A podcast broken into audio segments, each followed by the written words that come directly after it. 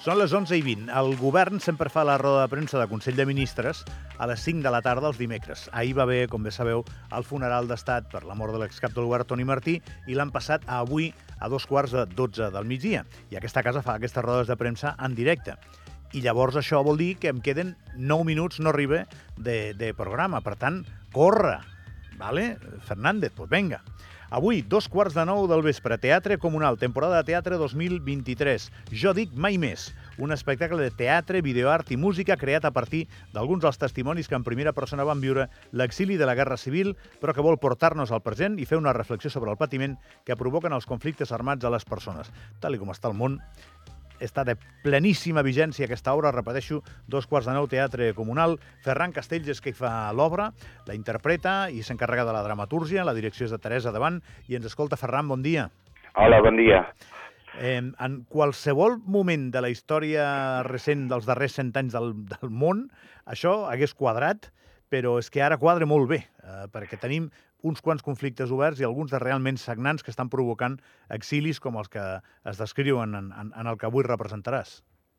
Sí, sí, és que, és que no parem. No, allò que de, diuen que els humans són els que trup, uh, ens ho peguen sempre amb la mateixa pedra, doncs no ens ho traiem de sobre, això. I, I una mica aquesta ha sigut la intenció d'aquest muntatge, no? de posar uh, a, a davant nostre el que va passar i, i, i, per tant, fer una mica de memòria històrica, però al mateix temps portar-ho al present i veure què és el mateix que encara està passant i allò que ens sembla eh, que ja, ja havíem superat, aquell horror de la Guerra Civil, la Segona Guerra Mundial, doncs no, no ho hem superat, tornem a caure amb la mateixa pedra.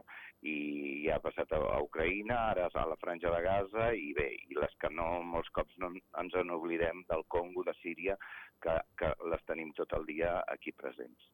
I, i una mica aquesta ha sigut la intenció de l'espectacle, no? a part de, de fer un espectacle eh, de teatre on la gent pot veure teatre i, per tant, eh, doncs, gaudir del, del que és un espectacle, al mateix temps poder sortir amb una certa reflexió de dir què hem de fer perquè això no torni a passar mai més. Eh, bé, és, és un espectacle dur, entenc, també, no? A través de la paraula i de, i de l'ajuda que et dona el, el videoart i la música, però és un espectacle dur. Sí, bé, és un espectacle que, que, mira, una mica això està lligat amb l'exposició de Calpal, d'Andorra, refugiats a Andorra, país d'acollida, i una mica eh, és el contrapunt. Eh, a Calpal s'explica el que feien doncs, la gent i que feia Andorra per acollir aquests exiliats i aquest espectacle el que ens ensenya és què els hi passa als exiliats i als refugiats mentre fan el camí, mentre van a parar camps, mentre... Uh, I el que explica és dur, però explica les vivències i els sentiments humans que aquesta gent ha tingut. No, no es parla, es pot dir, ni de política ni, ni d'ideologies, i el que ens centrem bàsicament és amb, amb la gana, amb la por, amb, el, amb la pluja, amb el fred, amb, amb què estic sentint quan em passa això i tot el que he hagut de deixar i com ha canviat la meva vida a partir d'un conflicte. Ens basem molt en els sentiments humans d'aquests personatges, no?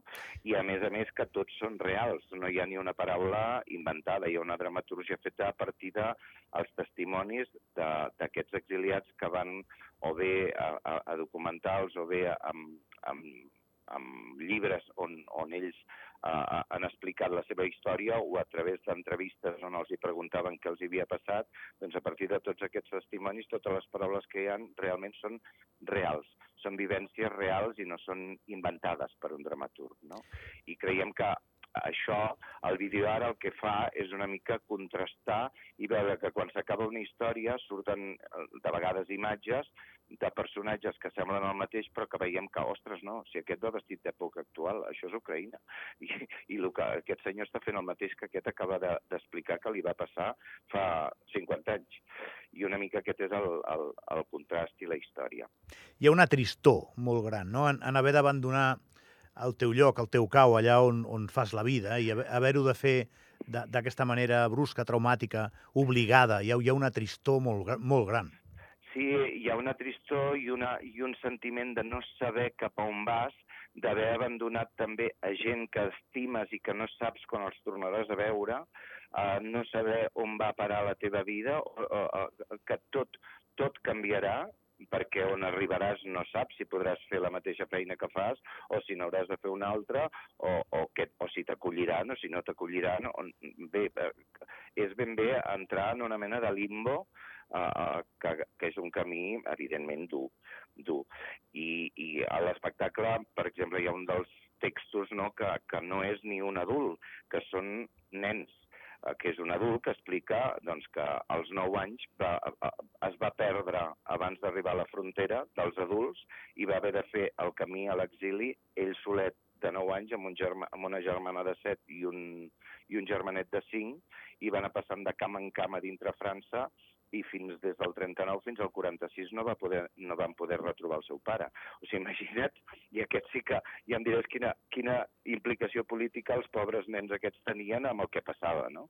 Doncs sí, sí, sí, és, és, és un panorama doncs, això, desolador, no?, en alguns casos.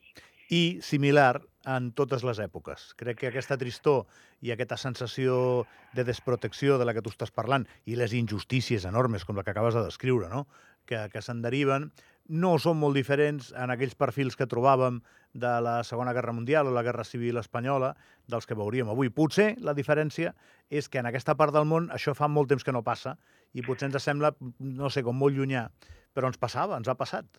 Sí, ens passava, i, i el, el tema és que aquest tema de, de, dels refugiats i dels exiliats, i que l'espectacle això també surt, a veure, ACNUR diu que el 2050 en el món hi haurà mil milions de refugiats. En aquests moments n'hi han 200 o 250, però és que de 250 passarem en pocs anys a, a, a 1.000 milions, i bàsicament també pel canvi climàtic, uh, perquè això també crearà un altre tipus de, de refugiat, però que també haurà de fugir del, del seu país per una qüestió de, de, de clima, no?